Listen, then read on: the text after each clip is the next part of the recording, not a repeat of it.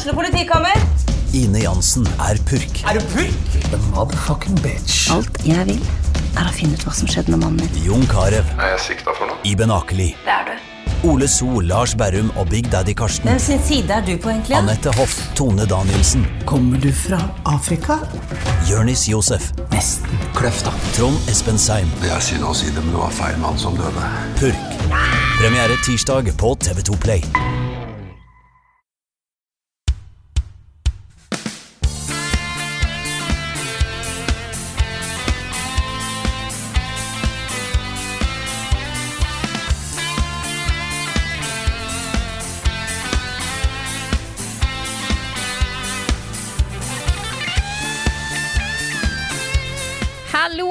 Sammen, og velkommen til en ny episode av podkasten Level Backup. Med meg, Frida Danmo, og med meg har jeg som vanlig Karl Martin Hogsnes og Rune Fjell Olsen. Hallo, gutta, folkens. Hallo, Hei, Frida. Frida. Vi må få lagd den T-skjorta, altså. Vi må da. Jeg ser det for, liksom for meg, bare svære bokstaver. Gutta, folkens. Ja. Det er kanskje kanskje to forskjellige logodesign på gutta og folkens. Ja, kanskje det. At det er sånn mash-up. Ikke sant? Mm. Nei, jeg, jeg ser den for meg. Den hadde jeg gått med. Jeg òg. Den hadde jeg gått med. Må filtre. Vi har, eh, for de som hører på, vi har tenkt å gjøre noe med merch-biten vår. Vi må bare finne ut eh, Det er litt sånn ting rundt, da. Men det, er, det kommer, bare så dere vet det. Og da, da blir det eh, Da blir det Gutta folkens T-skjorte. Da skal jeg Ja, personlig stå for, faktisk. Yes. Jeg har også veldig lyst på en T-skjorte der hvor det står et eller annet Hadeland, Badeland, Syden. Ja. Ja. Den Du også kan, vil jeg lage. Ja, så Hadeland, Badeland, Syden, og så tar en check Ja. Mm. Mm. Vært i de tre landene. Ja, ja. Eh, Jeg må fortelle dere om en eh, litt sånn eh, interessant opplevelse jeg hadde denne uka her. Okay. Du vet når du tar liksom trikken i rushtida, så er det jo innmari, innmari trangt og ubehagelig, ikke sant? Man står der klemt inntil masse andre mennesker. Ja. Men så fant dere at bare du liksom snur litt på det, og kaller det noe annet enn trangt, for eksempel eh, eh, surprise cuddling, Ja, så, så blir det liksom noe annet. ja jeg har Ja. opplevd eh, jeg, jeg tok referansen. Og jeg har, jeg har opplevd, jeg vil bare skyte inn i det, at uh, det har vært så trangt på bussen i Oslo at uh, da jeg hadde MP3-spiller med knapper, så var det en mann som bytta sang med magen sin. wow. Herlig. Så trangt kan det bli i Oslo. Ja, vet du hva det kan ja, i, I Tokyo Skal jeg si Ja, det, det er trangt jeg opplevde at det er der? Der står man liksom Helt inntil når, eh, når eh, T-banen og togene kommer, så står det folk i uniform med hvite hansker som dytter folk inn, presser de inn. det har jeg vært med på. Men referansen, da. Det var jo det her, Vet du hva, jeg vet ikke hvorfor dette er så morsomt, men jeg, jeg lo høyt da jeg så det. Men det er sånn, du må enten le eller grine. Ja, ikke sant? og så er det sånn, det er så far out at det blir morsomt. For det er sånn, du trodde ikke det kunne bli dummere. Nei, meg se liksom for seg Vi kan ta bakgrunnen først, da. Og så, Ja.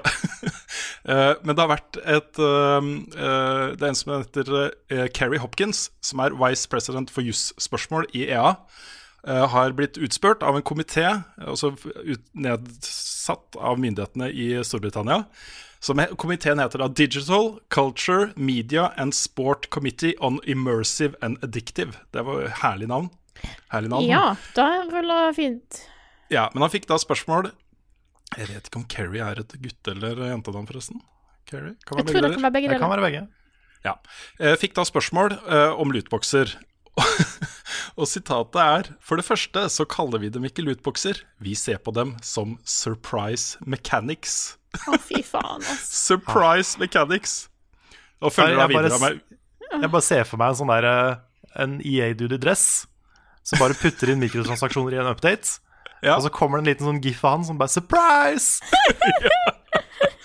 Ja. Og så Sammenligningen er ikke helt bak mål, bare for å ha sagt det. fordi eh, Han følger da opp videre. Hvis du går til en leketøysbutikk og du søker etter eh, overraskelsesleketøy, finner du ut at dette er noe folk liker. De liker overraskelser, og du har jo sånne massevis av Ja. greier. ikke sant? Det er først nå jeg skjønte hva 'surprise' faktisk refererte til. Ikke sant? Men det er jo liksom surprise mechanics. Det er mye morsomt å tolke det. Jeg ser for meg det møtet de har hatt, hvor de skal finne ut hvordan de skal få en litt mer positiv spinn på de mekanikkene i spill. Og så har noen, kommet, noen har kommet opp med dette begrepet. Ja. Og kanskje blitt månedens ansatt og sånn, fått plakat på veggen og sånne ting. ikke sant? Ja, Det er, ikke, det, er ikke, det er ikke å dø, det er livsvariasjon. Ikke sant? Å, herlig, altså.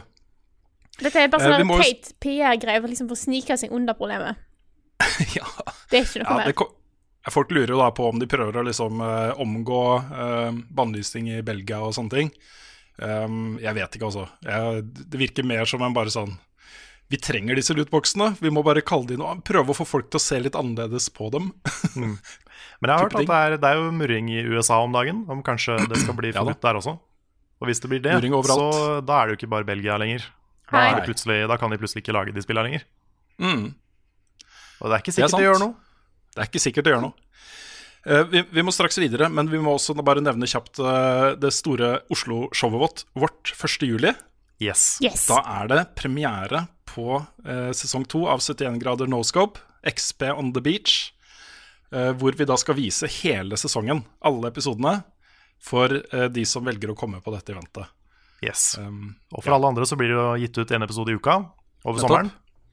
Men, eh, men kommer du på premieren, så blir det fullt show. Det blir en helaftens eh, noscope-kveld med panel etter, eh, etter visning også. mm, Jeg, kan, det blir altså, alle jeg innså jo at jeg fikk tenkt liksom 1. juli, lenge til. Sånn, Skyver det litt foran meg. Så, det er jo halv uke til! Da kom jeg på i går Ja. da jeg ikke hadde bestilt togbilletter. Så jeg har fiksa togbilletter. Jeg kommer. Mm, Til, jeg, Nice. jeg kommer hele gjengen. Det blir bra. Det blir uh, nesten alle skuespillerne. 1. juli, åpen scene i Oslo. Ja, det er fortsatt noen få billetter igjen. Ikke så mange, men noen Det få ikke mange igjen, men noen. Ja. Så eh, hvis du går på uh, facebook.com slash levelupvg um, Ikke fått endra. Det er et eller annet med den eh, Hvis du allerede har søkt om endring én gang, for vi søkte om endring én gang først og fikk det, Ja. så er det dritvanskelig å få en endring til. ja, for den, den heter jo ikke Level Up VG, men den heter Level Up Norge. Men URL-en Ja, er fortsatt Ja. VG. Stemmer. er, men du ba- bare søk på Level Up Norge, så vinner du oss. Ja, Der ligger et event hvor du finner informasjon om hvor du kan kjøpe billetter og alt uh, mulig rart. Yes. Jeg må bare nevne at nervene er skyhøye akkurat nå. Både fordi det er kort tid til, og vi er fortsatt ikke ferdig med fargekorrigering og sånn. Så vi bare jobber på spreng for å få ferdig til 1. juli. Og i tillegg så er det et prosjekt som liksom har vært eh, livet mitt, og, og blitt liksom my baby i løpet av eh, Egentlig mest av de siste par månedene, men også helt siden sommeren i fjor. Så det er, det er skummelt å vise det fram. Jeg, tror det er, jeg, jeg er stolt av det, jeg tror det blir kult, jeg tror det blir bra, men det er, det er litt skummelt.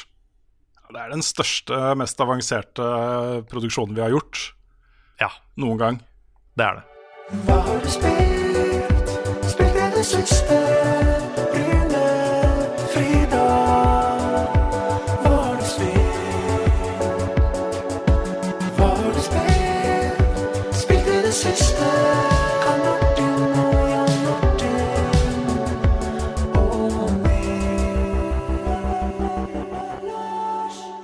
Har lyst til å begynne å snakke om hva de har spilt i det siste? Nei, Rune. jeg kan begynne. Nei. Jeg tror Carl bør begynne, kanskje? Ja, fordi dere som ser den podcasten her på YouTube, dere får jo nå gameplay eh, fra dette spillet eh, på skjermen. Nemlig Bloodstained Ritual of the Night. Herlig navn på et spill! Det er det. Det er, det er liksom Hvis du i en Hollywood-film trenger å finne på tittelen på et spill, så kommer det veldig fort opp på Bloodstained, tror jeg. Mm. Det er sånn, ok, vi trenger noe som høres litt sånn voldelig ut. sånn, sånn for, for de som ikke kan så mye om spill. Men, um, men dette her er jo en uh, veldig spirituell oppfølger. Altså ikke en, ikke en direkte oppfølger, men en, en, en spirituell uh, oppfølger til uh, Castlevania Symphony of the Night på PlayStation 1. Skapt av han samme fyren, vel? Han som forlot studioet sitt for å starte et indie-studio. Er det Kamiya han heter? Det husker jeg ikke. Jeg husker ikke jeg heller. Men han, eh, han har sånne morsomme trailere hvor han uh, framstiller seg sjøl som en litt sånn Dracula-figur. Mm. Og det er kjempegøy. Um, men det spillet har jo mange venta på i mange år. Og det har fått mange updates uh, underveis, både i visuell stil og mye forskjellig. Men nå er det ute, uh, og det er ekstremt likt Castlevania Symphony of the Night. Det er, sånn, det er litt sånn som Two Point Hospital er Theme Hospital, så er dette her bare Det er mer Castlevania, på en måte. Mm. Men det er jo ikke en dårlig ting, fordi Symphony of the Night er jo et av de beste Metroidvania-spillene noen gang. Og også litt av grunnen til at det heter Metroidvania, er det ikke det? Jo da, det stemmer det. Det spillet der. Det er, da, det er ikke der Metroid kommer fra, men det er da Vania kommer Ja, fra. nettopp. Ja, for jeg, jeg, for- fordi at eh, Castlevania har jo vært Var det ikke det, Dette er mulig, mulig dette er feil, men jeg føler dette her er liksom det mest Metroid Castlevania-spillet. Ja, det kan vel kanskje stemme. Jeg, ikke, jeg har ikke full oversikt over alle spillene i den serien sjøl. Nei. øh, Jeg innser nå Hvis man ikke har spilt Metroid eller Castlevania, så får man veldig lite ut av å høre dette her. Men eh, altså, Men utgangspunktet det er da- mekanikken er jo det at uh, du kommer til et område, du får ikke tilgang til alt ennå, men seinere i spillet så får du nye abilities som gjør det mulig å få åpne liksom, ting der du har vært før. Det er på en måte sjangeren, ikke sant? ja, hele, det er da her et, et svært slott, eh, akkurat som i da Castlevania, hvor du Det er på en måte en kjempesvær labyrint med forskjellige rom. Der hvor hvert rom har noen fiender. Eh, Du har ting du kan finne, du har upgrades, du har skjulte rom, du har alt mulig. Og så skal du da fylle ut et svært, svært kart, da, som er da hele slottet. Og etter hvert komme til bosser, etter hvert komme til nye upgrades. Jeg forventer at det kommer litt eh, double jumps og sånne ting. Jeg er veldig tidlig i spillet fortsatt, så jeg har ikke fått noen eh, nevneverdige upgrades. Men eh, jeg ser liksom på level-design at de, de kommer til å komme. Mm. Og jeg elsker jo den sjangeren her.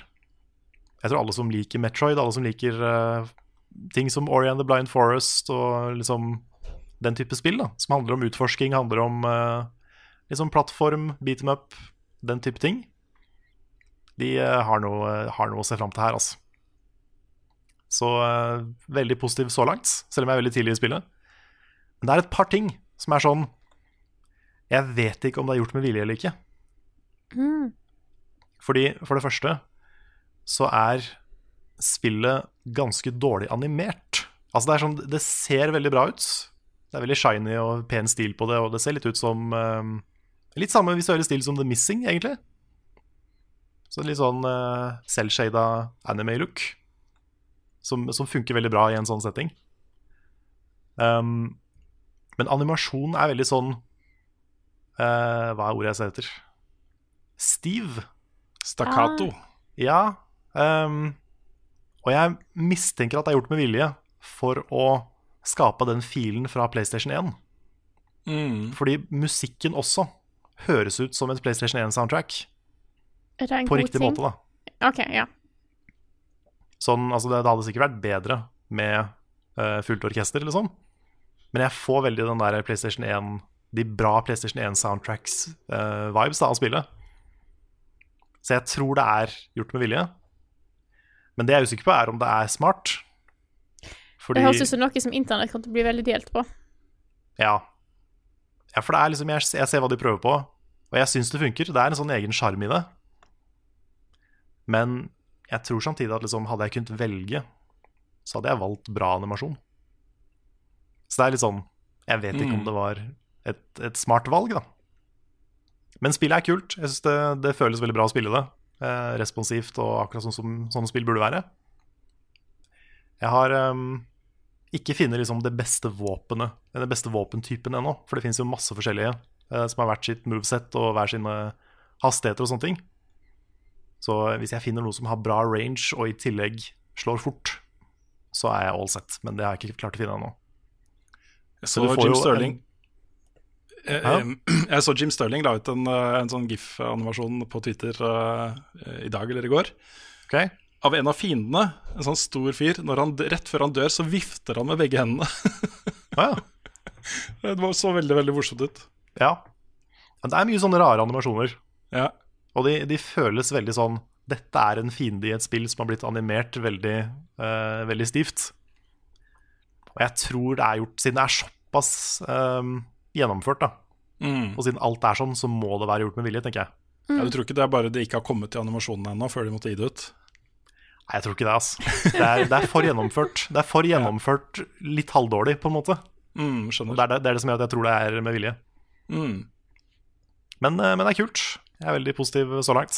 Det er jo eh, som sagt en, eh, et forsøk på å gjenskape noe av eh, det beste i sjangeren. Mm. Så da, mm, om ikke det når helt opp, så er det fortsatt bra. Så jeg får se hvordan det utarter seg etter hvert. Men jeg er veldig, veldig happy så langt. Jeg tror Kult, de som har backa dette på Kickstarter, de vet jo helt sikkert hva de ville ha. Og jeg tror de har fått det de ville ha. Mm. I hvert fall um, fra mitt perspektiv så ser det ut som dette er det. Det er i hvert fall det jeg trodde det skulle være, og det er det der. Ja. Fett. Kult. kult. Yeah, that's me. Skal du ta over, Rune?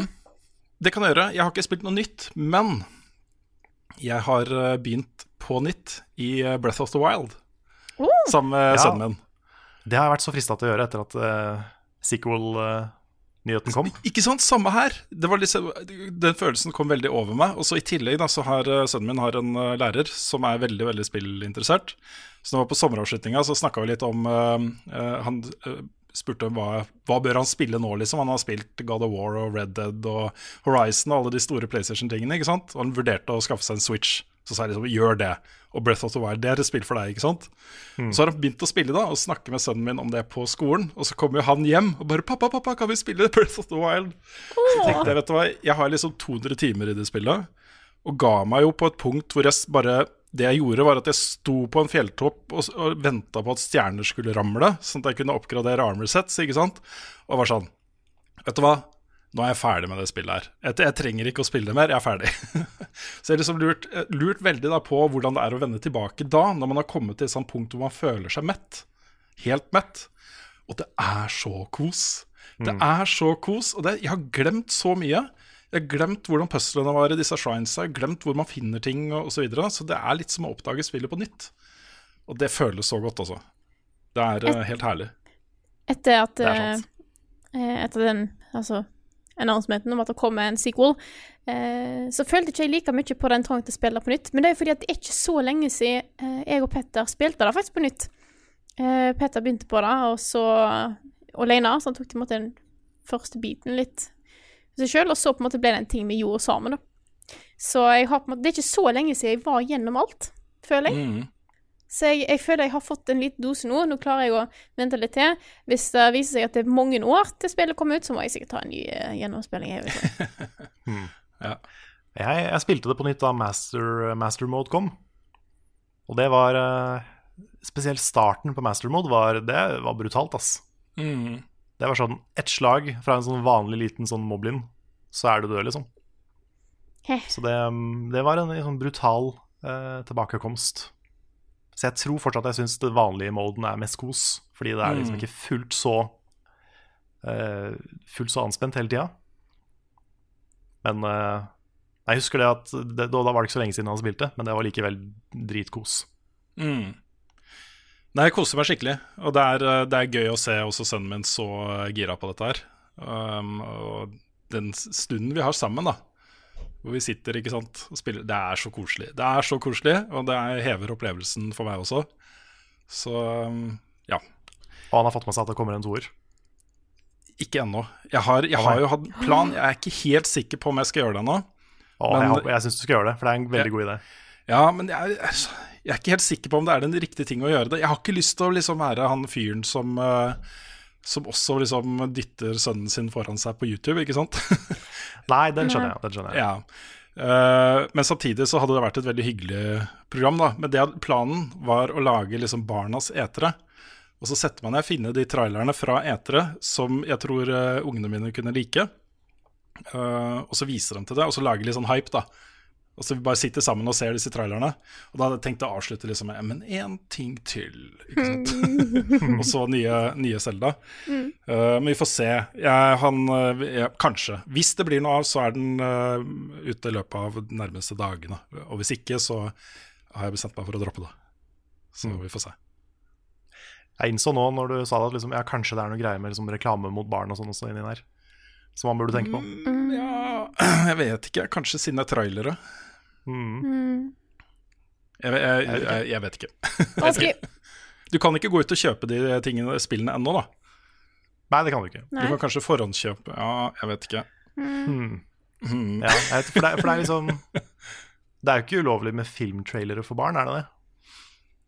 Nei. Jeg, jeg vet ikke. Det, det her er komplisert. Ja. Ja, Dette er kompliserte spørsmål. Jeg tror ikke noen hadde kommet til å podcast. jeg tror ikke noen hadde kommet til å arrestert meg hvis jeg hadde gjort det. Nei, Jeg jeg tror ikke vi hadde fått problemer med det. Så det blir mer Nei. sånn intern etisk eh, ting, da. Mm. Og der er det mest sånn eh, Ja, jeg um, Jeg vil bare gjøre det hvis opptaket blir uh, bra, da. Hvis det bare er se et barn reagere på spill, så vil jeg ikke gjøre det. Nei. Skjønner du? Mm, så, vi, så vi får se. Ja. Kanskje. Da var det. Gunne. Mhm. Da kan jeg snakke mer om Selda. For jeg har ikke spilt Breath of the Wild, men jeg har spilt Cadence of Hyrule. Som er Nice. Det var det jeg håpa på. basert, basert på um, Hva heter det? Necromancer. Crypt Eh, of the Necrodancer. Necrodancer. Crypt of the Necrodancer, ja da. Sånn var det. Um, som er jo et top down eh, Zelda-spill. Uh, der du kan spille som både Link og Zelda.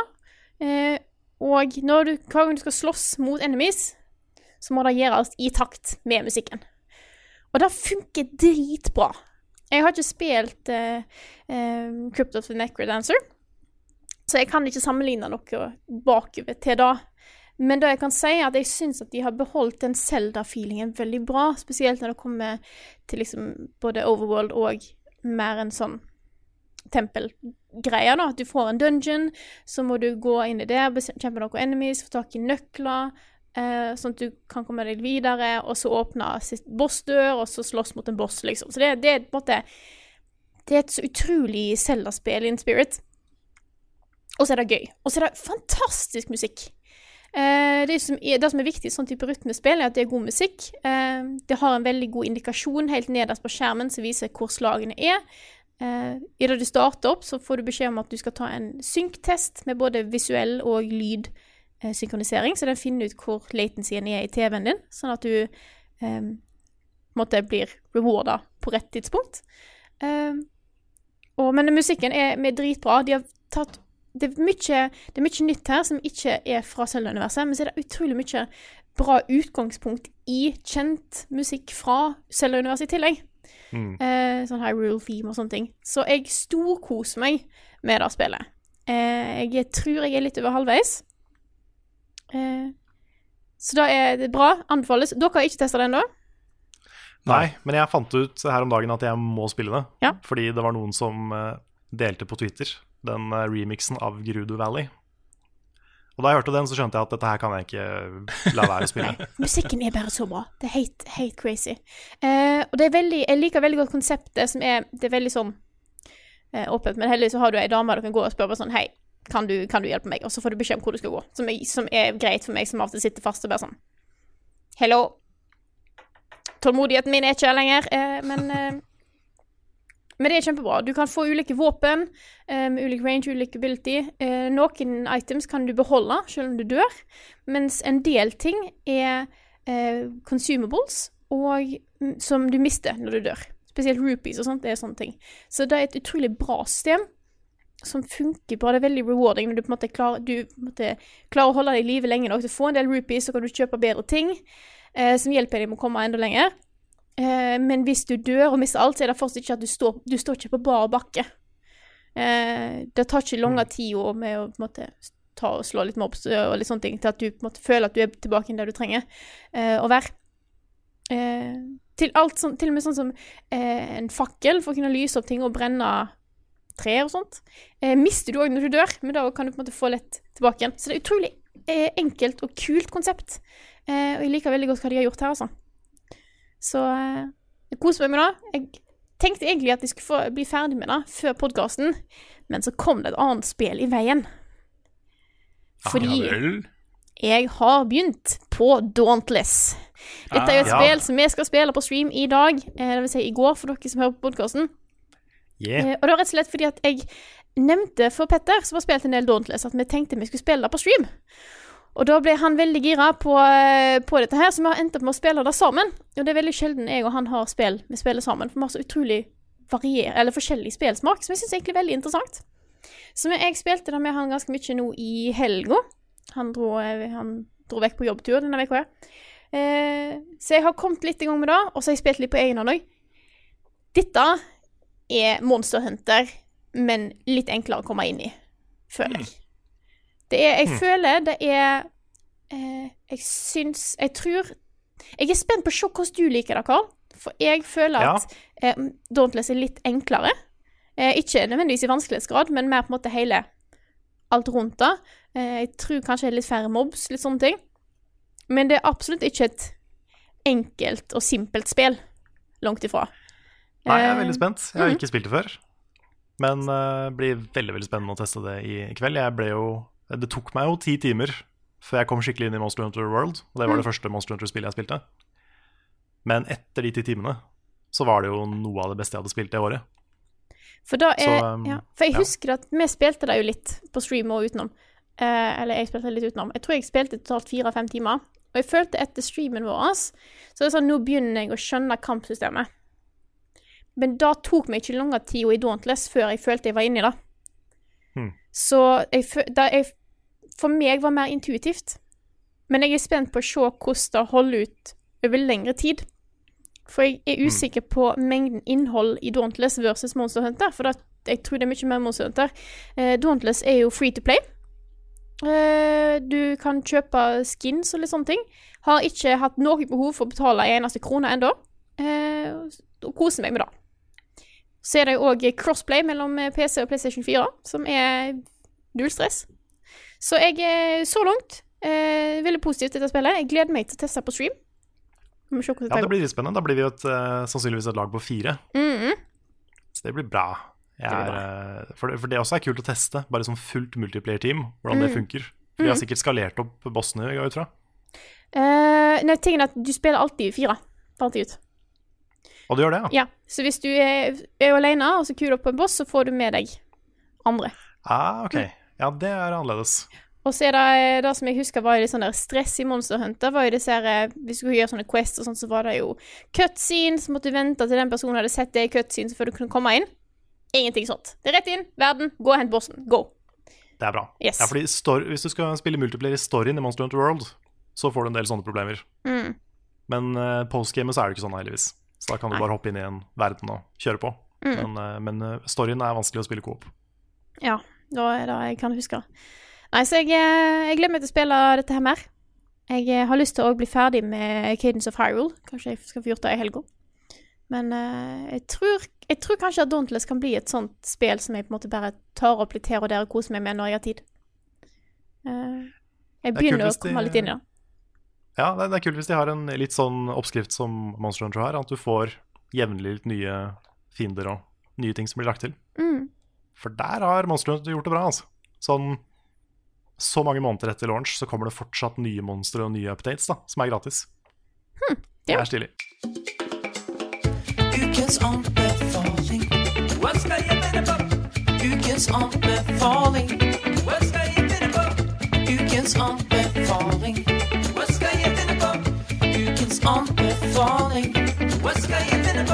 Ukens anbefaling går til Rune.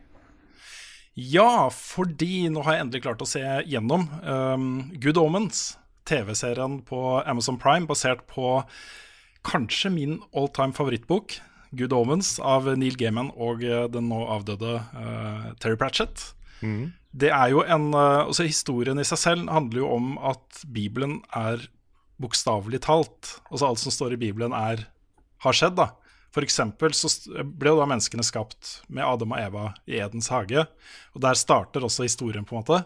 Med da eh, disse to menneskene og det eplet og slangen og sånne ting. Eh, men så spinner det en historie rundt det. Så eh, historien handler jo om Armageddon. Eh, Antikrist blir født og kommer på jorda, men så blir han da bytta om en annen baby. det kommer en baby til på det sykehuset hvor de har tenkt å bytte da eh, den amerikanske ambassadørens sønn med Antikrist, og så kommer det inn en helt vanlig familie fra nabolaget der, liksom, som får da Antikrist. Så han vokser opp som en helt vanlig gutt. Så de Hovedpersonene av de du følger, er eh, en engel og en fallen engel, altså en demon. Um, uh, Aziraphale er engelen, spilt av Michael Sheen. Og så har du da Crowley, demonen Crowley, spilt av David uh, Tennant. Og han, jeg må bare That's få sagt det, det beste med denne serien er David Tennant som Crowley. Han- Det, det, det er som om han er født til å spille denne rollen her. Og han koser seg sånn. Han koser seg sånn og bruker hele registeret sitt og lager en utrolig kul rollefigur. da. Uh, men den er jo veldig basert på boka, så han gjør ikke noe utover det. Uh, Crowley i boka er akkurat sånn som David Tennant spiller han. da. Så det er helt herlig å se altså. Jeg Så- innser, eh, for du har snakket mye bra om den serien og boka, at jeg For jeg har tenkt litt på å begynne å lese litt igjen. Så Ja. spørsmålet mitt til deg, Rune, er bør jeg lese boka, eller bør jeg se serien? Ja, for det er det som er derfor, Grunnen til at jeg har lyst til å anbefale uh, uh, Good Omens, det er boka først og fremst. Fordi TV-serien er uh, De første par episodene så syns jeg det var litt forstyrrende at den er så utrolig tett opp til boka. Den er, den er veldig trofast til boka, eh, og den gjør egentlig ingenting som jeg kunne oppdage eh, som endrer innholdet i boka. Den har utelatt masse, da. Det er masse sånne sidehistorier og sånn som de ikke får her. Um, men det som er der, er veldig, veldig likt boka. Og det syns jeg var litt forstyrrende, fordi i boka så får du liksom alle jokene da, får muligheten til å bygge seg opp over litt tid og bli satt i en kontekst som det er litt mer sånn ikke så uh, stressa, da. Eh, og det er ikke alltid de klarer å levere de samme vitsene like godt i TV-serien. Men det tok seg veldig opp. Jeg synes Fra midtveis og ut så syns jeg TV-serien ble kjempebra. Så jeg vil anbefale den. Jeg syns den er kjempebra, men boka er så utrolig bra. Eh, Den miksen mellom eh, den litt mørke fantasien til Gayman og den helt utrolig spisse humoren til Terry Pratchett. Og så Han tar ting så utrolig på kornet. Og så er han en sånn ordsmed. Altså det er mye ordhumor hvor ting er morsomt fordi det er skrevet på en veldig veldig morsom måte. Så um, det er både en veldig god historie og en veldig morsom historie. Da. Jeg ler masse av boka. Boka er best, men TV-serien er også god. Så jeg vil egentlig anbefale å lese boka først, OK. før du ser TV-serien. Det, er, uh, det er en klassiker, altså. Den er så god, den historien. Så ja. Der Yes. kommer det ikke noe sesong to, tror jeg. det er jo ikke skrevet mer. Historien er avsluttende og sånt, så Det er like det kan greit. de Ja, det kan hende at de spinner videre på det, for det er mulig. Det er mulig å lage mer. Da har jeg lyst til å komme med en liten anbefaling, som er en sånn tilleggsgreie. Og når jeg tenker meg om, mm. så har jeg faktisk to. Så, Oi! Ja, så jeg er helt crazy, men jeg gjør det nå. Jeg har lyst til å ha det der som en tilleggsanbefaling, rett og slett fordi at jeg vet at jeg har litt sær musikksmak. Men jeg vet at det var noen som syntes at det var kult, og jeg anbefalte dette bandet sist. Så nå har jeg lyst til å si at et utrolig kult prog metal slash jazz fusion band som heter Thank You Scientist, er ute med ny plate. Eh, den kom ut forrige uke, heter Terraformer, og er bare helt amazing. Jesus fucking Christ. Det bandet der er et geni på, på å lage musikk. Eh, så det er en hel, he, helt album der alle sangene er bare helt fantastiske. Jeg sitter og hører på det bare i loop. Eh, jeg tror eh, favorittlåtene mine så langt er eh, Everyday Ghosts og Chromology. Dette er gjengen som er så crazy på, på ene sangen, jeg tror det er Chromology. Så bare, ja, vi spiller saksofon. Så putter vi vreng på saksofonen. Sånn som vi har vreng på gitaren. Og det er sånn der, de bare, de bare masher så mange kule sjangre eh, og, og måter å spille instrument på, for dette er jo et eh, Altså prog metal rock-band som har jo standardinstrument, men de har òg trompet, fiolin og saksofon. Det er bare helt amazing. Så jeg vil bare, bare si det. Eh, hvis du, hvis du lurer på hva det er, hør eh, Everyday Ghosts. Jeg tror den kan være en grei innføring. Det er litt sånn sci-fi-tema på det albumet her, så jeg er fan. Det er altså terraformer til eh, Thank You Scientist.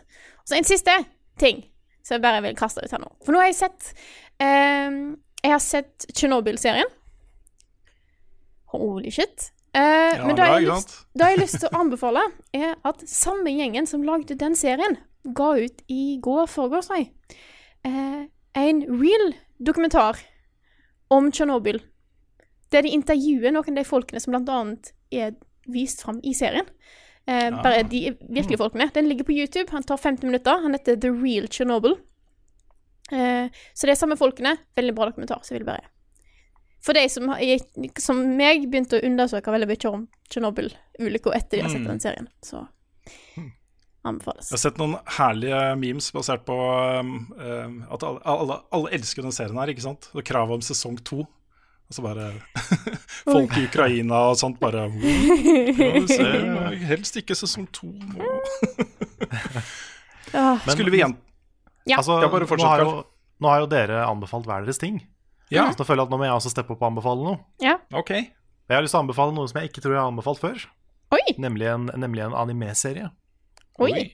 Fordi uh, alle som har spilt, eller har vært nysgjerrig på Ace Attorney, burde sjekke ut uh, animeen Ace Attorney. For dette er uh, basert på de tre første spillene i serien. Og det som er så herlig med de spillene og denne serien her, for den er veldig trofast til spillene, det er måten historien eskalerer på. Fordi jeg har ikke lyst til å spoile hva som skjer. Jeg hadde en lang sånn Twitter-greie om det, uh, med masse spoilers, Uh, som man kan sjekke ut hvis man vil. Men det er bare Du tenker at liksom, ok, du skal være advokat. Det kan umulig være så uh, personlig og så overdramatisk, men det er så utrolig dramatisk. Og bare Det er sånn alt fra at du, du må forsvare bestevennen din, til du må forsvare noen som har blitt uh, sikta for drapet på noen du var glad i, til at du må forsvare deg sjøl. Og da aktoren, altså the prosecutor Miles Edgeworth, han er jo liksom en sånn barndomsvenn som også har blitt litt sånn fiende. Og det er bare alle liksom anime-tropes satt i en advokatsetting, og det er kjempegøy. Åh. Så spillet er for det første dritbra, spesielt de tre første. Eh, men serien er også Jeg føler at den, den gjør, den gjør uh, spillet justice. Det er. Justice akkurat sånn som i retten. Skulle vi, ha, skulle vi ha bare gjentatt nå alle anbefalingene våre som vi har fått eh, tips om at vi burde gjøre? Yes, Det det, kan være sånn. er Good Omens, både boka, helst, og serien. Ja. Uh, Thank You Scientist, et nytt album, Terraformer. Uh, dokumentaren eh, The Real Chernobyl. Og uh, animeen Ace Attorney. Yes, med Phoenix Wright.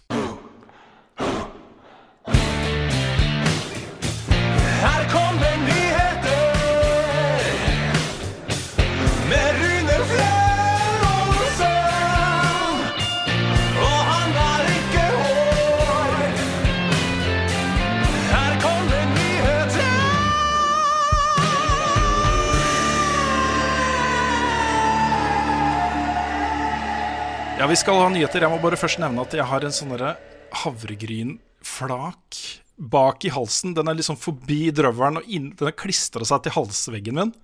Så hvis stemmen min er litt Og i tillegg er jeg forkjøla, så hvis stemmen min er litt rar og sånt i dag, så er det derfor. Det er så irriterende. Det, jeg må bare komme meg gjennom dette her, og så må jeg Jeg vet ikke hva jeg Hva gjør man? Den sitter så godt fast. Da, jeg, har, jeg har ganske mye erfaring med det der å ha liksom et eller annet sittende fast i halsen. Mm. Og jeg har opplevd at noen ganger så er det et stressymptom. At det Jaha. faktisk ikke er noe der på ordentlig, men du er helt, helt sikker på at det er noe der. Ja, for jeg har akkurat spist havregryn, og det føles Det er akkurat sånn det føles. Ja, men det er sånn det føles.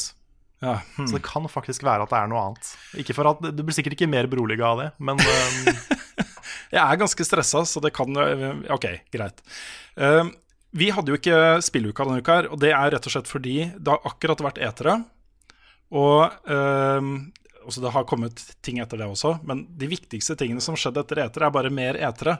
Så vi fant ut at det ville vært altså, Gudene vet hvor mange live-timer vi hadde, pluss da en svær podkast slash spilluka med gjennomgang. Altså Det ville bli bare akkurat det samme en gang til. Eh, Men vi må ta noen av de her, fordi det har jo kommet fram eh, en del interessant info om disse spillene vi har snakka så mye om de siste par ukene. Eh, Og vi må begynne med Pokémon eh, Sword and Shield. Ja. Eh, hvor det da viser seg at det ikke vil være mulig eh, å catch them all. Jeg kan ta et spørsmål her fra Torgeir Tendrup eh, Jensen. Og han spør Har dere noen tanker om avgjørelsen om å ikke la oss overføre alle 800 pluss Pokémon fra Pokémon Home til Pokémon Sword and Shield? Og om dere har sett reaksjonen fra en del fans på Twitter, hva syns dere om måten de har reagert på? Og saken her er jo at Ja, basically det. Du kan ikke bytte også så introdusere alle Pokémon i Sword and Shield som har kommet til nå. Jeg har et eh, spørsmål til, uh, til Gamefreak. Why? Hvorfor gir dere en så idiotisk ting? Altså, Jeg skjønner at dere har lyst til å fokusere på liksom, i Pokémonet som dere har valgt skal være der.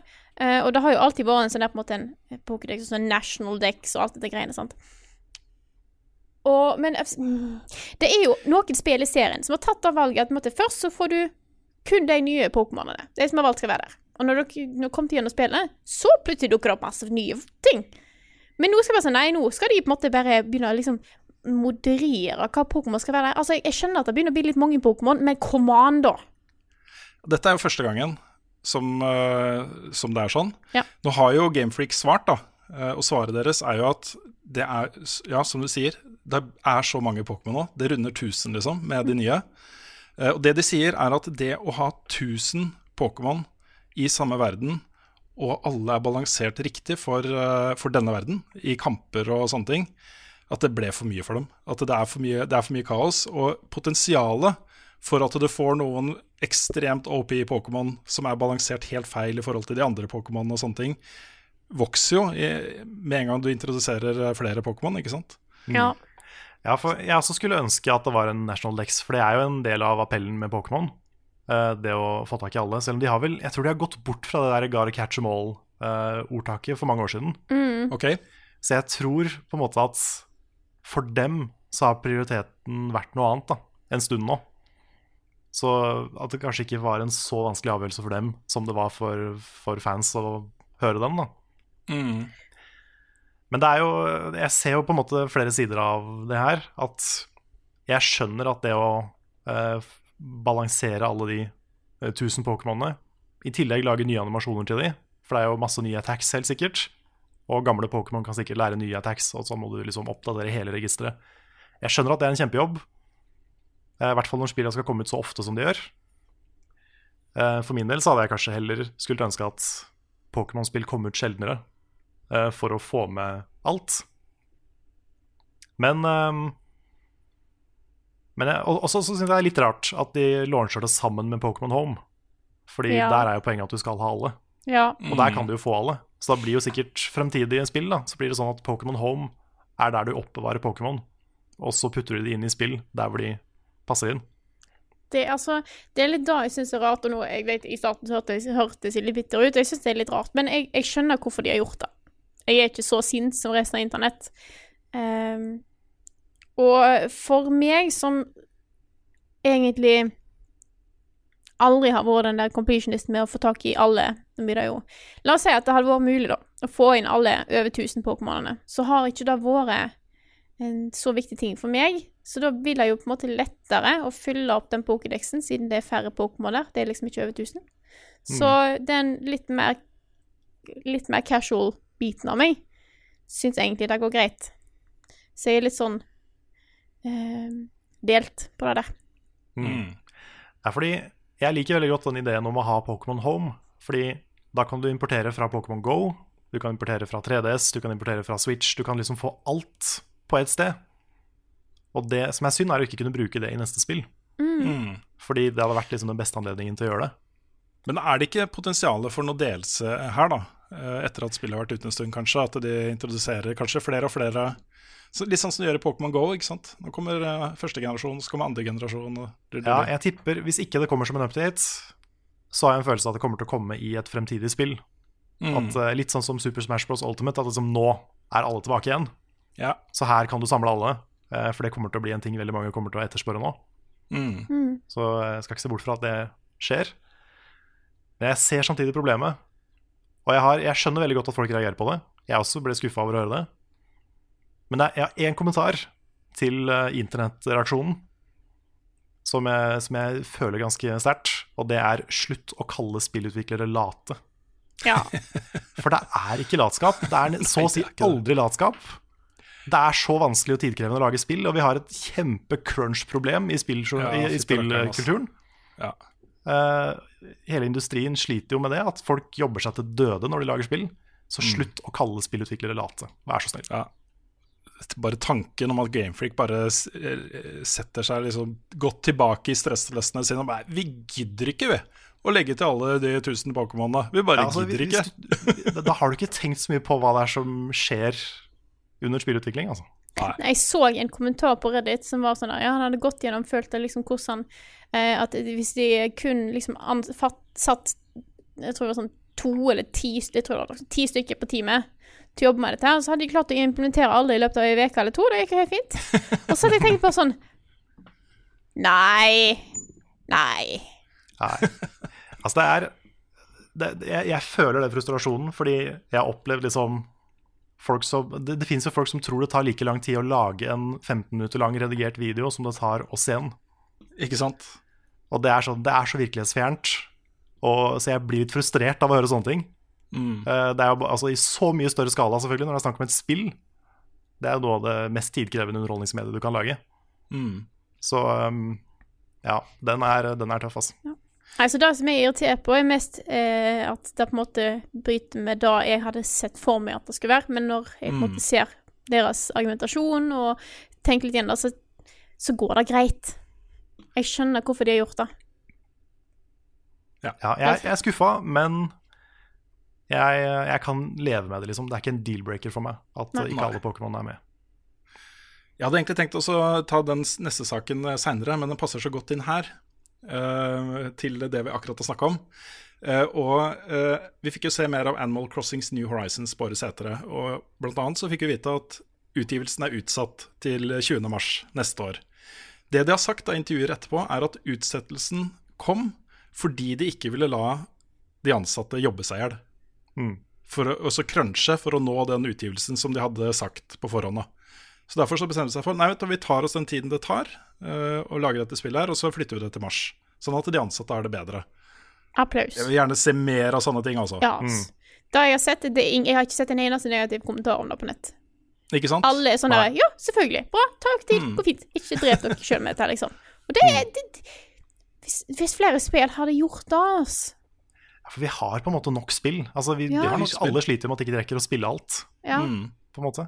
Så um, det eneste jeg har sett, og det har vært en litt sånn der uh, uheldig, rar vinkling, um, men at folk har pekt på at liksom, aksjene til Nintendo har gått ned etter at de sa det. Mm. Men virkeligheten der er jo at aksjene går ned på den måten etter hver eneste E3. Så det er ikke noe nytt. Og det, og det at det er connecta med akkurat den kommentaren, det er bare oppspinn, liksom. Ja, men også begrunnelsen for, for crunch, det er jo at uh, Si du har et team da, på 100 personer, eller 200 eller 500 i noen tilfeller, som sitter og jobber i årevis med et spill. Hvis du utsetter det spillet med ett år, den kostnaden er ganske astronomisk. Mm. Det er mye, mye, mye mye, mye penger liksom, som de må tjene igjen etterpå. da. Så i f- praksis så tjener de mindre penger på spillet. Også De vil selge kanskje like mange eksemplarer som om de gir ut et år før, etter at de ansatte har jobba seg halvt i hjel. Det er en ren økonomisk beslutning. ikke sant? Og det, Ja. Sånne ting kan jo påvirke aksjekursen og, og sånne ting. Da. Og så bruker de da, Det tar lengre tid før de lager det neste spillet, ikke sant. Så, Ja, sant. ja. Men uh, sånn må Altså, spillutvikling bør være sånn. Mm. Det er jo kjempeflott. at, Ja, det er, eh, det er ikke altså, Selvfølgelig, man må tjene mer penger, men det er ikke verdt å drepe folk over det. Nei, også på et eller annet punkt så har man jo tjent nok penger. Og så man går i pluss og tjener nok penger, og alle de ansatte får lønna si. Aksjonærene får penger. Ikke like mye penger, kanskje, som om de hadde gitt ut et par ekstra spill i året. Men uh, de tjener nok penger. De trenger ikke å Ja. tjene mer penger. Jeg vet ikke om, jeg vet ikke om nødvendigvis alle CEOs føler de kan tjene nok penger. Men, Nei, de eh, kan ikke det. De, de, de, ja, aldri nok. Ok, Det har også vært intervjuer med selveste Hidetaka uh, Miyazaki eh, under årets setere, hvor han har snakka litt mer om Elden Ring, som jo eh, ingen visste skulle komme på årets setere. Nei, Det var fullstendig overraskelse. Ja, Det eneste overraske... Ja, det var ingen overraskelser i det hele tatt, bortsett fra at de viste litt uh, konsept, og litt uh, CGI, da. mm. Um, men han har utdypa litt, da. Eh, Det er ikke mange detaljer, men han sier bl.a. Uh, til Xbox Wire og eh, IGN at det er det største spillet fra eh, From Software til nå. Um, han uh, sier at det vil være deres da, twist på open world-spill, med massevis av utforskning og, og multilayered castles og fiender og bosser som er bortgjemt, og skatter og oppgraderinger osv. Uh, som jeg nevnte, jeg tror kanskje det var under streamen, eller det var forrige ukes podkast, husker jeg ikke. Men det selvfølgelig vil det være en hest, det er bekrefta. du vil kunne ri på en hest. Uh, det vil være mye dypere rollespill og customization-muligheter enn i tidligere From Software-spill. Så du vil da kunne velge en spillestil og et gearset og sånne ting som eh, passer til deg. Eh, Det vil være fokus på melee combat, også close combat med eh, sverd og sånne ting. Og så sier da også Miyazaki at det samarbeidet med George R.R. Martin kom i stand. Ikke, det var ikke hans initiativ, det var en annen i selskapet som visste at Miyazaki var veldig glad i George R.R. Martin. Um, så tok han kontakt. Hadde ikke forventa at det skulle komme noe ut av det, men så var han interessert. Og Måten dette har fungert på, er at Miyazaki og Martin har hatt møter hvor Miyazaki har presentert gameplay og ideer og konsepter og sånne ting. Og så har de snakka mye fram og tilbake om det, og så har Martin da kommet med en overbyggende law for spillet. Som inkluderer da bakgrunnshistorien til rollefigurer, de, eh, hva slags forhold de har til hverandre, uh, osv. Um, så ja, jeg syns det her eh, høres veldig riktig og bra ut, altså. Ja, det gjør det. Ja. Jeg leste også at ehm, det, Han ble jo spurt om uh, om f.eks. George R. R. Martin kunne skrive inn noe bok eller noe law uh, i bokform da, til universet. Og han sa han var litt negativ til det, fordi da røper han alle hemmelighetene. Ja. Og det er også et hint om at liksom, ok, dette her er historiefortelling sånn som Dark Souls er. Mm. At her skal du grave og eh, analysere og finne ting sjøl. Og det ble jeg veldig glad for å høre. Ja, jeg likte også veldig godt at de har sittet og prata mye sammen først. Og at Martin har fått liksom en innføring i hva de ser for seg, hva slags univers som skapes her. ikke sant? Og tilpassa eh, det han tilfører da til det. Og at ikke bare han har fått beskjed om har du lyst til å lage en historie til noen medieval eh, dark fantasy-greier fra Japan. Så bare Mm. rabler han ned et eller annet, og så sender han de, og så har de liksom Kanskje det treffer, kanskje det ikke treffer. Men her er det liksom en close ting, da. Altså de har jobba tett om det først.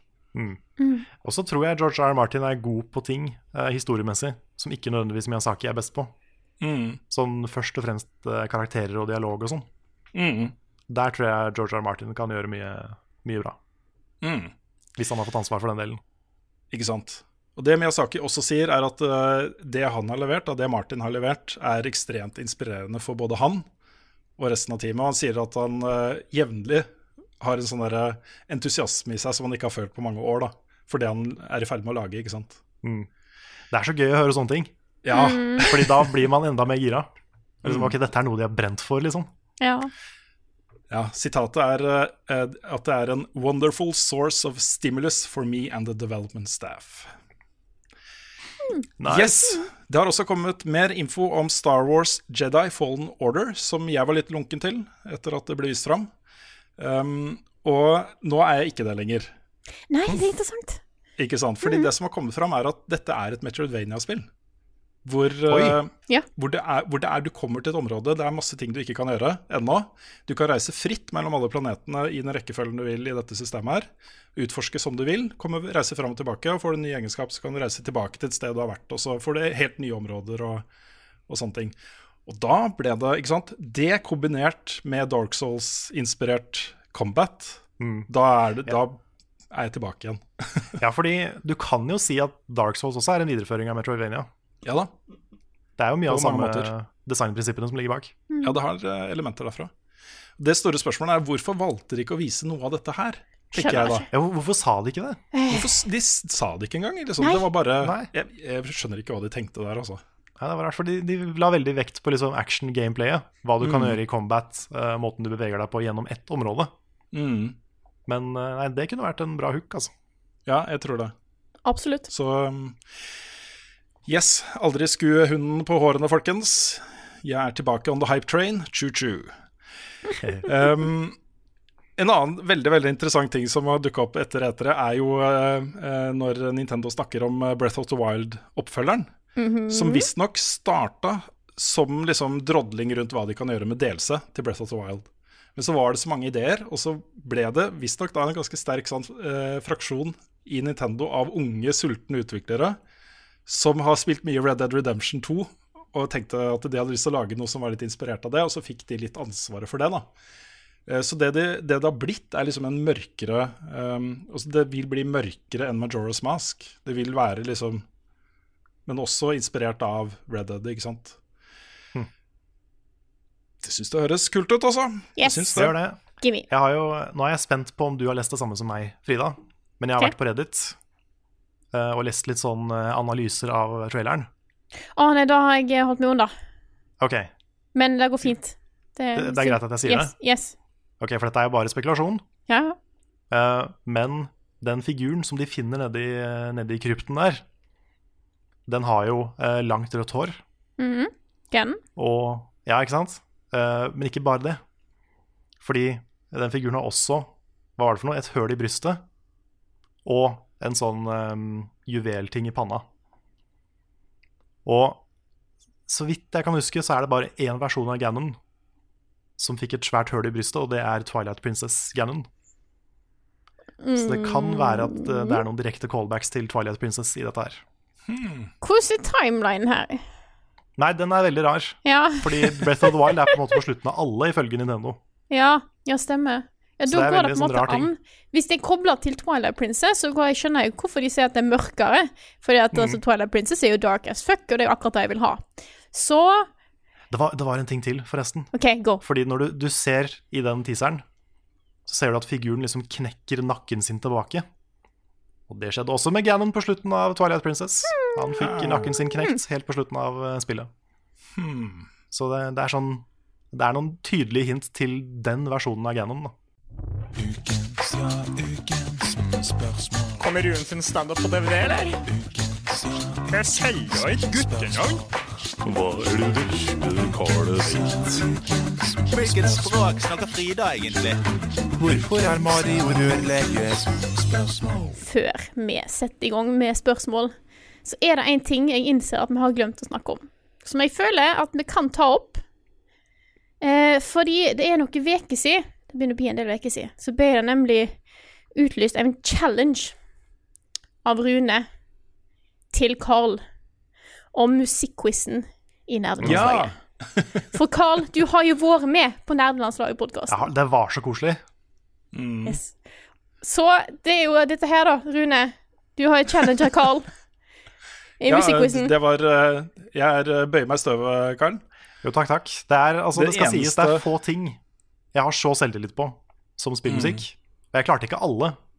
Men det var Det var bare en én det var bare én du ikke klarte. Jeg, det var en jeg ikke klarte, og den hadde jeg ikke hørt. Og den klarte ikke jeg heller, og jeg har spilt Diablo 3. Mm. ja, ok. Ja. Ja, ok, Men da føler jeg meg litt bedre, for du også er god på spillmusikk, Frida. Yes. Jeg, jeg, jeg har en følelse at kanskje du eh, Hvis du da dukker opp eh, som gjest Nå skal jeg ikke invitere liksom mange flere. Bare nå dere få, få inn Nick og få inn Frida. Og få inn. Mm. Men ehm, jeg har en følelse at du kan risikere å naile bare alle. Ja, for der er problemet mitt da at jeg har, eh, jeg har en del store hull i spillbiblioteket mitt. Eh, som er ting som folk regner som klassikere som jeg burde ha spilt.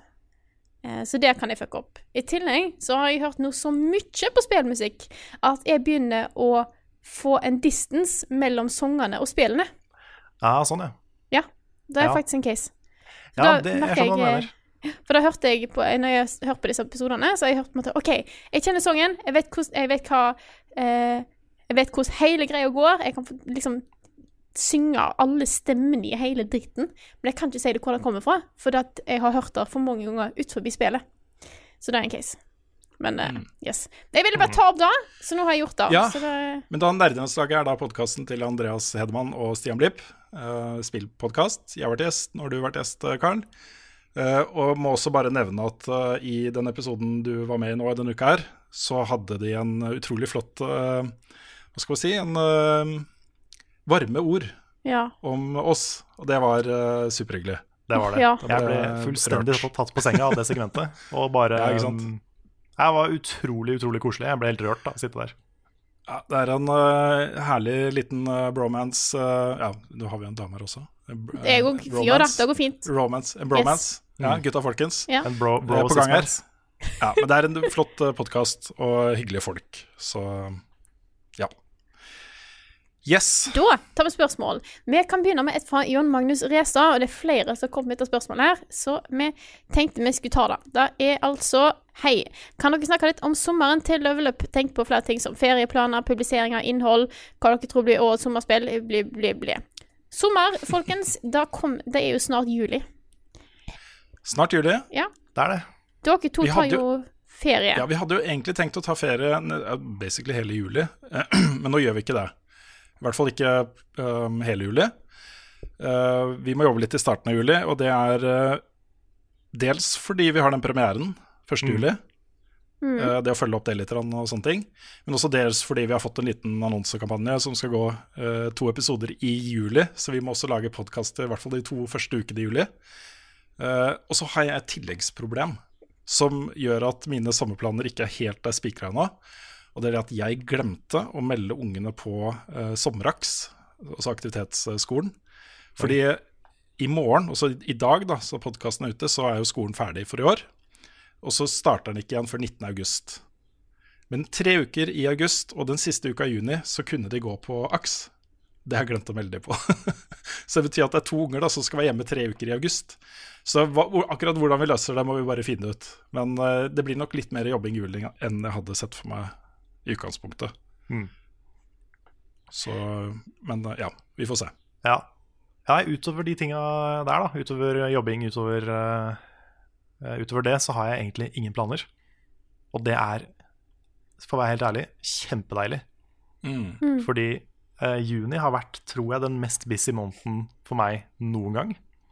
Det med å sjonglere Noscope og E3 og alt det andre vi skal lage, Mm. har vært intenst. Så det å liksom bare ta Det å koble helt ut, eh, i hvert fall deler av juli, det er så nødvendig nå, kjenner jeg. Ja, man trenger det, altså. Man gjør det. Og det, det, at, det at det også er en litt sånn extenda periode. Fordi eh, hvis det er én fridag, så rekker man liksom ikke å koble helt ut. Da tenker man bare nå er det bare så og så mange timer igjen før jeg må tilbake. Mm. Så, Jeg har snakk om at du faktisk trenger tre uker for å koble helt ja, av. men det, Ja, det gjør du. Mm. Ja. For du har det i kroppen, i hvert fall hvis du, hvis du ikke liksom vanligvis tar fri i helger og sånn. da Hvis det har Mm. gått i ett kjør lenge, så det, det påvirker huet ditt. Ja da. Mm. Så det, det, det ser jeg litt fram til. Selv om jeg elsker alt vi gjør. Altså Jeg digger jobben min, har det kjempefint på jobb. Så noen ganger så har man behov for den der psykologiske utkoblinga. Ja. Så den ser jeg fram til eh, i juli. Nei, jeg har jo litt annerledes eh, ferieplaner i år. Ehm, jeg har tre uker ferie, det er alt jeg har. eh, og eh, jeg tar ut ferien min Jeg starter siste uka i juli, og så blir det to uker i august. Eh, så da, ehm, da er det ikke sikkert at jeg Vi må, vi må finne ut hvordan vi gjør det med podkasten, for det er ikke sikkert at jeg er Jeg vet ikke hvor jeg er i landet ennå. Um, jeg skal ta en tur litt rundt, eh, besøke litt familie, noen venner, eller sånne ting. Så blir det en liten sånn Norgestour som eh, Som jeg liker å ta. Eh, men jeg er, kommer nok sannsynligvis å lage noe eh, Jeg skal lage et innslag nå den, i løpet av neste uke, håper jeg. Og så blir det noe i løpet av de første ukene i juli i tillegg. Eh, men så er jeg ei uke i Sveits på jobbtur. Vi skal på konferanse. Så jeg, eh, egentlig så er jeg vekke i en måned. Så eh, det kan være at jeg faktisk ikke får lagd noe på en måneds tid. Så der får vi se. Det går nok bra. Mm. Vi løser det. Nick har jo, Nick har jo også eh, meldt seg for tjeneste i sommer, så han kommer til å lage ting. Uh, og så er det en del som har spurt meg om jeg kommer til å lage flere av de sommerpodkastene som jeg lagde i fjor. Uh, som mer var intervjuer med spennende spill, norske spillfolk. Jeg har ikke helt bestemt meg ennå. Det er sånn, De skjedde litt fordi jeg fikk ånden over meg, fikk lyst. Altså Det var lystbetont å lage de, og det var ikke noe stress for meg, det var bare koselig. Uh, hvor sliten jeg føler meg når jeg faktisk skal ha ferie, det vet jeg ikke ennå. For det er, sånn, det er veldig givende å bare lage noe helt annet. Mm. Uh, og gå, gå litt i dybden på folk. uh, spennende folk, da. Mm. Og det fins massevis av folk som jeg har lyst til å ha med i en sånn ting nå. Som har gjort seg bemerka i løpet av det siste året, f.eks. Så vi får se. Kanskje, kanskje ikke. Men uh, ja. Noe blir det. Ellers har jeg ikke noen konkrete reisebortplaner og sånne ting. Vi pleier å reise litt til Stavanger. Det er mulig at det blir en tur dit. Men, De uansett kan si at det blir litt redusert i sommer. Eh, Det gjør det. Eh, Det er jo noen av spaltene våre som helt sikkert kommer til å ta pause. Spilluka, f.eks. Mm. Eh, Podkasten da i kanskje en uke eller to. Kanskje Kanskje ikke, vi får se. Ja. Eh, Ikke faste ukentlige livestreams og sånne ting, men det vil da komme innslag eh, når de er klare. Fra Og så må- vi jo si, hallo, 71 grader Norskop. Ja, Sesong største starter jo 1. juli. Hver Ja, yes. får du en ny episode. Bam, go. Og det er også litt av grunnen til at vi, at vi har premiere 1. juli. Ja. Fordi da kan Noscope gå uh, juli og august. Vi er tilbake på jobb i august. Um, 100 men, uh, men det at liksom vi har et sommerprogram, på en måte, Mm. mm. som kan gå i juli, det, kan, det tror jeg blir kult. Ja, det blir kjempebra. Så uh, yes. Ja. Da, da hopper vi videre til neste spørsmål. Nå frøs ting her der, vet du. Ehm, det er et spørsmål som jeg har tenkt å ta opp bare fordi jeg har tenkt å, tenkt å ta opp en liten historie. Uh, men kanskje dere òg har noe. Dette er fra Lars Halvard Skryseth Hultgren, som skriver Jeg som en dum seksåring tok min Nintendo DS under vann for å vaske skjermen. Har dere lignende historier? Og det første jeg kom på, var da jeg spilte Pokémon som, som ung liten jente, som ikke kunne så mye engelsk, så var det litt sånn Du fikk nye items, du prøvde deg ut, se hva gjør denne her, og jeg fikk en ny pokerball, hvordan funker den? Eh, og før jeg visste ordet av det, så hadde jeg brukt en masterball på en audish. Og da fant jeg ut ganske lenge etterpå. Da innså jeg bare sånn for Jeg fant ut at en masterball var en ting. Så tenkte jeg OK, men jeg har jo kommet forbi det punktet der jeg fikk den. Har, har jeg ikke den i Nei, OK, jeg har Å, oh, fuck. Og da hadde jeg lagra for lenge siden, så det var liksom ingen vei tilbake igjen. Hmm. Så da var meg som Jeg vet ikke helt hvor gammel jeg var, men jeg brukte en masterball, som er jo den beste i hele spillet, på en Jeg tror det var en level 13-oddish. Hmm. Da gikk, Jeg, det var veldig fint å fange den, bare nevne det, men ja. hm. Ja, du fikk det til. Ja, det gikk helt fint. Ja, det er bra. Ja. Den audition ble fanga ganske hardt. Ja, det var den, Jeg har aldri fanga en Pokémon så hardt før, skal jeg si. Nei, Det- kommer seg ikke ut, den. Nei. Så det var min. Nei. Uh, jeg tror jeg har to. Oi. Den første, det var da jeg um, eh, med et fullt minnekort på PlayStation 1, full av 100% saves fra alle favorittspillene mine, fikk opp en melding om at et minnekort burde formateres. Vil du formatere? Jeg trykka ja, Oi, oi, oi. og alt er borte. Uff a meg. Det var da jeg innså det. Det var, det var hardt. Ja. Det er ille, For det, altså. og så sto det jo ikke 'everything will be deleted'. Nei. Men det de burde de kanskje tenkt på at det burde stå. Uff a meg. Så det var, det, den, den, var tung. Og en annen en. Uh, den, den er dummere. okay. uh, Det var da jeg på min, uh, min første egne PC eh, fikk en sånn pop-up en gang.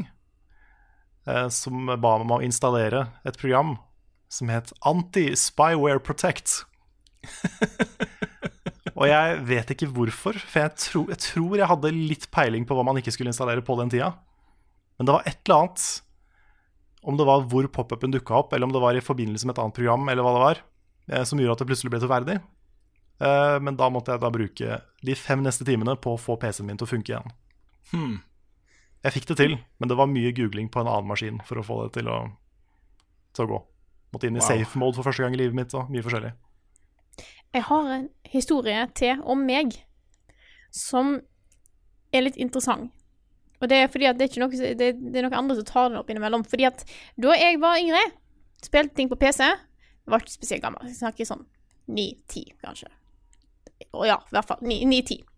Så hadde jeg lært meg hvordan du skulle installere ting på PC-en. Det er jo ikke vanskelig. Du bare trykker på neste til det står fullfør. Basically. Eh, så jeg kunne installere spill. Jeg var flink. Eh, da hadde jeg lært meg. Så hadde jeg et Harry Potter-spill eh, på disk, som jeg tok med bort til en venninne, for hun ville spille det. Så jeg satt med disken, trykte installer, trykte på neste, trykte på neste, trykte på fullfør. Spilte med Harry Potter. Og så kom dagen etterpå. Så kommer den eldre broren hennes og er forbanna på meg. Fordi at tydeligvis, i dag jeg installerte dette spillet, så klarte jeg å slette alle de andre spillene som var installert på PC-en. Wow. Påstår de! Og dette går jo ikke an! Så dette ble Nei. jeg anklaga for i årevis. Jeg fikk ikke lov til å røre PC-en deres i årevis av dette her. Og jeg sitter der bare sånn Men det er jo det er, det, Jeg har ikke trykk på slett! Nei, det er ikke noe du gjør ved et uhell. Det går ikke an, da. Så det Nei, Da må liksom du i så fall formatere hele PC-en på et rart vis. Men jeg gjorde jo ikke det, for det var bare noen spill tydeligvis hadde vært forsvunnet. Så jeg, jeg vet ikke hva som er gale. Men det er en ting som jeg fortsatt tenker på. bare sånn, Faen, tenk om jeg gjorde et eller annet. Men det går jo ikke, det, det, det går ikke an. Nei, Det det, høres ut som du ble gaslighta. Ja, jeg tror det. Hardt. Ja. Så nei, ikke vet jeg. Det, det, sitter fortsatt. Det sitter der fortsatt. Vet du hva? Vi må, vi må starte en sånn Ace Attorney-sak på dette her. Og du må kreve bevis. Hard evidence på at dette var din skyld. Ja. Så ikke så skal jeg stå ved din side og rope objection. Det var bra dere hadde flere historier, for jeg kommer ikke på noe fort da. Det er kan, kanskje fordi jeg har litt feber, men uh, Ja. Ellers så var du bare sykt smart på teknologi hele livet. Ja. ja, Jeg, jeg, har en, jeg har en teit en til, eh, hvis vi har tid. Jeg eh, spilte eh, The Sims 1. Hadde en familie, en save som jeg har holdt på med i evigheter. Jobba opp, liksom hadde fått tak i det beste huset, alt, masse penger, good shit. Så hadde jeg glemt å trykke på pause da jeg gikk og spiste middag. Eh, og det i seg sjøl er jo ikke noe problem. Så kom jeg opp igjen, eh, og da hadde hele huset og alle folka brent ned. For det skjer jo i Sims. At det er noe som tar fyr, og så plutselig tar alt fyr, og så står folk der inne og skriker, og så Yes. Så tenkte jeg, ja, men faen, da. Greit. Da får jeg gå ut av spillet, og så får jeg laste inn på nytt igjen før dette skjedde. Og da du lærer deg når du skal på en måte gå ut av spill, at du trykker 'lagre og avslutt', eh, og så, fordi at du skal alltid lagre før du avslutter. Så jeg gikk jo, trykte jo ikke på 'avslutt', så jeg trykte jo på 'lagre og avslutt'. Og da var det sånn 'Å ja'. Ja, Så det da er altså, det, jeg har sånne vage minner om at sånne ting har skjedd meg også, men eh, jeg kan ikke komme på noen konkrete eksempler ennå. Det går, eh, det går greit. Mm. OK. Eh, noen av dere som har et spørsmål? Jeg kan ta et her. Yes. Skal vi se. Det er fra eh, Martin Herfjord, som spør hvilke spill syns dere er mest undervurdert i forhold til hvor godt dere liker dem. Og jeg tar det som en anledning til å plugge Shadow Hearts-serien igjen. For det er en, en serie med, sånne, med, med JRPGs som har gått veldig under radaren for veldig mange. Og de er veldig bra. Mm. Spesielt de to første, Shadow Hearts og Shadow Hearts Covenant på PS2. De var, de var veldig bra. Jeg syns alltid det er vanskelig sånn, for at, på en måte, det jeg synes spillet som er undervurdert, det er som regel bare undervurdert fordi at folk har ikke hørt om det. Eller folk Mm. er ikke blitt så store. Sånn at de som har spilt de syns det er bra, men det er så få som har spilt de, så de er på en måte ikke undervurdert i seg sjøl. Uh, Det er sant. for jeg tror ikke jeg har noe spill som på en måte jeg elsker, som folk syns er på en måte Nei, da, da var litt kjipt. Uh, men spillene jeg alltid tar fram der, er, det, det er enkelt. Det er Little King Story og Pikmin. Mm. Jeg kom på et veldig, veldig nytt eksempel. Oh. Sånn et rykende ferskt eksempel på et spill jeg mener er litt undervurdert. Eller et spill som jeg liker bedre enn de fleste. Tilsynelatende. Conan Unconquered. Ja, for du liker det veldig godt, du. Jeg koser meg fortsatt med det spillet. Det er, eh, jeg sliter som et helvete med femte siste level. uh, og, og spille coop. Uh, Nick og jeg har prøvd det et par ganger. Og den uh, 25 waves coopen er dritvanskelig. Men jeg blir ikke lei av å prøve, liksom. Hmm. Og det, det sier noe om kvaliteten på det spillet. Altså. Mm. Jeg føler mange, mange liksom avskriver det som en dårligere kopi av andre spill, men jeg syns det, det er kult. Eller jeg koser meg veldig med det. Jeg har eh, to ganske ferske eksempler sjøl. De er veldig åpenbare, da. Destiny 2. For, det er fortsatt, hver gang noen snakker om Destiny i, på offentlige foraer, eh, av et eller annet slag, så kommer det alltid inn massevis av folk bare Er det noen som fortsatt spiller det dumme spillet der, liksom? For, folk skjønner ikke hvor bra det har blitt, ikke sant. Det er, det er ordentlig bra nå. Det andre er No Man's Sky. Jeg trodde jeg skulle si nesten igjen. Ja, jeg tror det. Nei, men No Man's Sky også. Folk skjønner ikke hvor bra det har blitt. Så um, Det er en herlig liten historie eh, hvor fansen på eh, No Man's Sky Redditen starta en GoFundMe for å kjøpe opp Billboard-plassen utenfor kontorene til Hello Games. Jeg så det. Hvor det bare er sånn 'Thank you, Hello Games' ikke sant, fra community. Mm. Det var herlig, altså. Kjempebra. Det er en hyggelig redemption. Ja, ikke sant? tanke på hvor mye dritt uh, de gikk gjennom. Noe av det var jo veldig fortjent, men, men, det at, Mm. men det at de fikk så mye hat på seg, og så har klart å snu det rundt Ja. Nei, det er bra. Der kommer det også en oppdatering i eh, sommer. Svær oppdatering. Som, eh, det er mulig at det blir mitt eh, sommerspill. I år også, faktisk. mm. Forresten, når jeg sier at noe av det er fortjent, så ingen, ingen av truslene, ikke noe av den dritten var fortjent. Nei, ikke sant. Nei. Bare sånn for å presisere det. Yes. Yes. Har du et, Rune? Ja, jeg har et par stykken. Um, Den første er veldig kort. Uh, fra Christian T.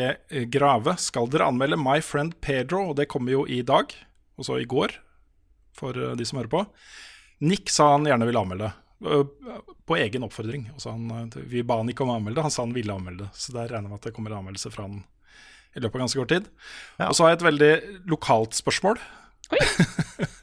fra Lasse Meyer Antonsen. Um, Rune, har du vært på Oslo Street Food?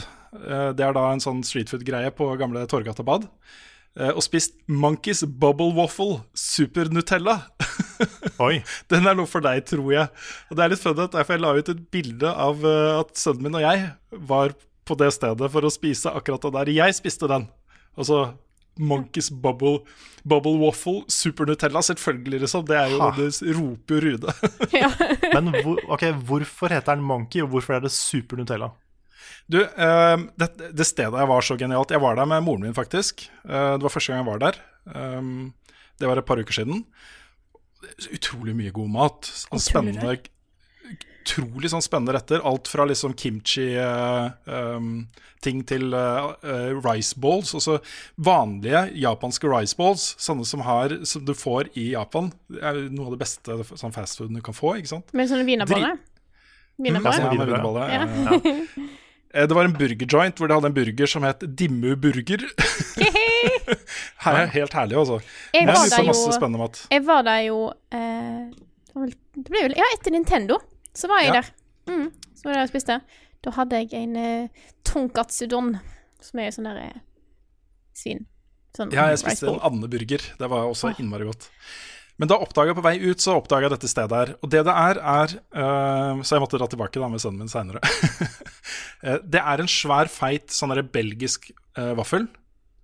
eh, som er liksom nede i en sånn eh, eh, Sånn som du har pommes frites i, vet du. På eh, eh, McDonald's og sånt. Sånn pappkrus.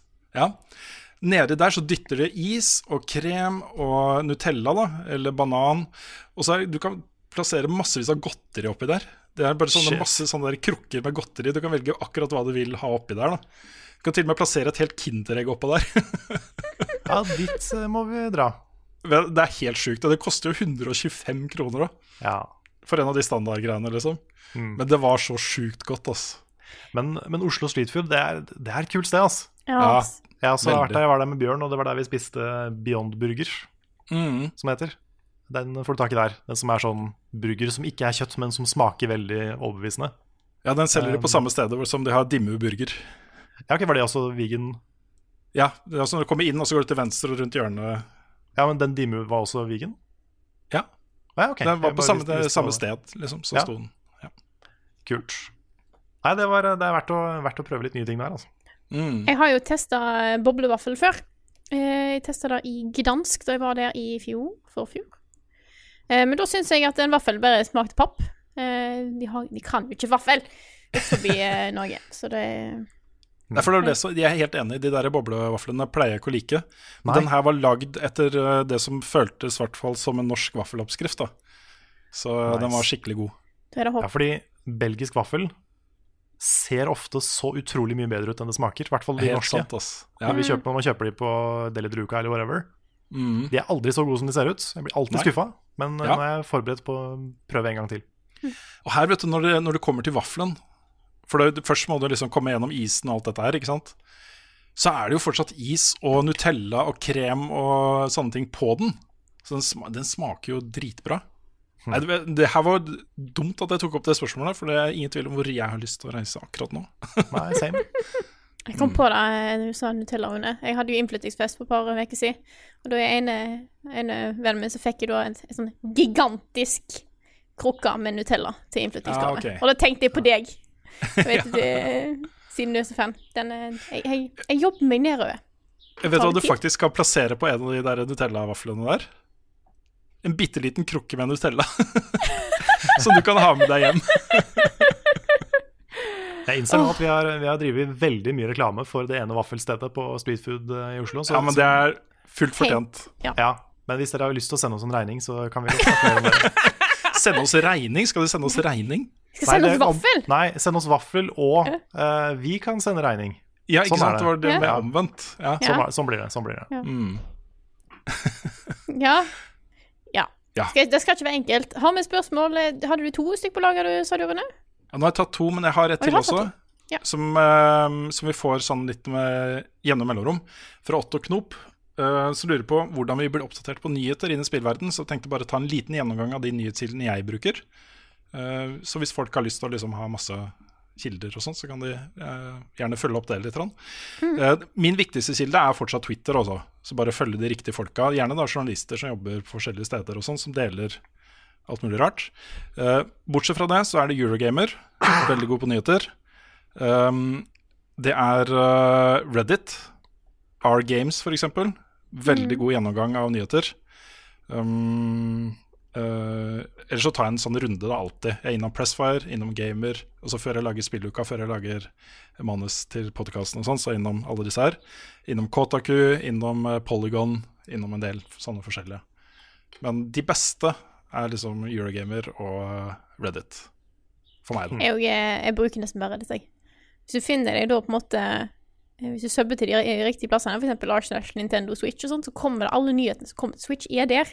Mm. Eh, og da er det alltid linker til Eurogamer og KTQ. Alle, all er der. Så måte, jeg syns det er veldig fin samleside, så lenge du på en måte bare subscriber til de riktige plassene. Litt sånn som på Twitter. Twitter òg er det veldig mye gode nyheter jeg får med meg fra. Ja, og det beste med, med Reddit er jo at folk bidrar. Og så er det feil i artikkelen, f.eks., så får du med deg det. Er det tilleggsinfo i andre artikler, så linker de til det. Og så det er en veldig god nyhetskilde. Absolutt. Hmm. Og så er det mange, mange sinte folk òg, selvfølgelig. Men det, Ja, det er veldig, veldig mye sinte folk på Twitter. Mm. Sånn, da er jeg ferdig. Yes! Jeg sa Twitter, men jeg men- jeg mente både Twitter og Reddit. Ja, Ja. Jeg, jeg er enig. Hvis ikke dere har et ekstra spørsmål på laget, så lurer jeg på om vi skal ta og runde av her. Ja, jeg har egentlig et til, hvis, det, hvis vi har tid til det. Ta med okay. ett siste. Et siste okay. spørsmål. Mm. Ok, Det er fra, fra Jon Aaby. For det er, det, er hans, det er ikke ett spørsmål, men det er, det er fem veldig kjappe. Så vi kan ta de veldig kjapt. Yes. Eh, første er da førsteperson eller tredjeperson. Tredjeperson. Og vi skal egentlig ikke tenke over dette, her, skal vi bare si det som er instinktivt, liksom? Ja, altså, vi får lov å begynne, tenker jeg. Ja, for meg så er det enkelt. Tredjeperson. Jeg blir kvalm av førsteperson. Så enkelt. eh, på det. Ja. Jeg, vil, jeg vil også si tredjeperson, men førsteperson hvis det er skytespill. Mm. Jeg er veldig glad i skytespill, da, så det er derfor jeg sier første, første person. Ja, Nummer to rifle eller sverd. Sverd. Sverd. Sverd. Oi, den, jeg trodde du kom til å si gun der. Jeg tror Ja, men combaten i uh, disse sverdspillene Nå har jeg ikke lyst til å nevne det med navn en gang til, men det er Nei, nei det, jeg ser den. Ja. Good, good point, well made. Multiplayer eller singleplayer? singleplayer. Singleplayer. ah, Det her er dritvanskelig. Jeg er multiplayer. Lineært eller open world? Linær. Lineært. Jesus. Um, open world med litt lineære missions. Ja, ok. Ja. Ja. Og til slutt 2D eller 3D? Fett. 3D. For noen år 3D. siden hadde jeg sagt 2D, men nå sier jeg 3D. Ja, 3D. Den er, den er den vanskeligste for meg. Mm, same. Mm. Det var det. Og med de eh, fem kjappe der, så tror jeg vi tar runde av denne podkasten her. Før vi gjør det, så vil jeg nok en gang si billetter til premierefest for 71 grader Noscope XP on the Beach kan skaffes. Eh, bare gå på Facebook-sida vår, Level Up Norge, søk på den, så kan du finne link til arrangementet. Og der finner du link til billetter. Ja, Grunnen til Eh. at vi sier på den måten, er jo at linken er liksom sånn Ja, det er en sånn lang link. Ikke Ja. sant? Men du kan også, du kan også bare sjekke ut traileren på, på YouTube. Der også Ja. ligger det direkte link til billettbestilling. Mm. Yes. Så eh, vi håper så mange som mulig har lyst til å være med der. Det blir dritbra, og det er ikke så veldig mange billetter igjen. Så hvis du har lyst til å sikre deg eh, da, sikre deg å se hele serien før de andre, vet du. Det er Ikke viktig. sant? sånt, ikke sant? Du sitter på en sånn hemmelighet. Ja. Så, skal du ja, for det er, det er det, ikke sant. Du er, du er en del av en liten gjeng som vet hvordan det ender før alle andre. ja. Og da må du selvfølgelig ikke spoile. Nei. Det er ikke lov. Da inndrar vi retroaktivt eh, retten din til å være der. Mm. Ja. Går tilbake i tid. Jeg kan legge til at eh, jeg kommer plutselig på at jeg kan jo bare legge link til billettkjøp i beskrivelsen til denne podkasten her også. Ja, det er kanskje lettere. Ja. Vi er ikke så gode på det. Nei, vi er ikke så Nei, gode på de tingene er der. Altså. det. Men, men tenk hvor sjelden er det ikke liksom vi har premiere på en fiksjonsserie. Ikke sant? Så dette er en once in a lifetime opportunity, altså. Oh yeah. Og med det så tror jeg jeg må si tusen, tusen takk til alle dere som støtter oss på Patron. Dere er fantastiske folk, og uten dere kunne vi ikke klart oss. Så dersom du har lyst til å støtte oss eh, i vårt arbeid, så er det bare å gå inn på patron.com slash levelupnorge og støtte med det beløpet du har det du ønsker, det du har mulighet til, det du sjøl syns er greit. Eh, og Gjør for det. dere som allerede gjør det, det, tusen, tusen takk. Tusen takk. Og med det så runder vi av denne podkasten her. Eh, jeg har jo en setning her, men jeg har glemt hvordan den går, og det irriterer meg, så jeg får det ikke til. Da har jeg hatt problem de siste to gangene òg. Ja. Jeg har, skal ikke, jeg har ikke og finne fram manus igjen. Det er helt. Nei, det går vel Jeg sikkert heller- Jeg tror, jeg tror du pleier å si ha det på ballet i gammel sjokolade. Ja. Ja, jeg tror det er akkurat da, ja. Og så sier du 'In a Wild Crocodile', Carl. Ja. Og så, Jeg jeg har. Og så sier du et eller annet med alligator. Og så innser vi at vi har sagt det feil. ja. Heffalump.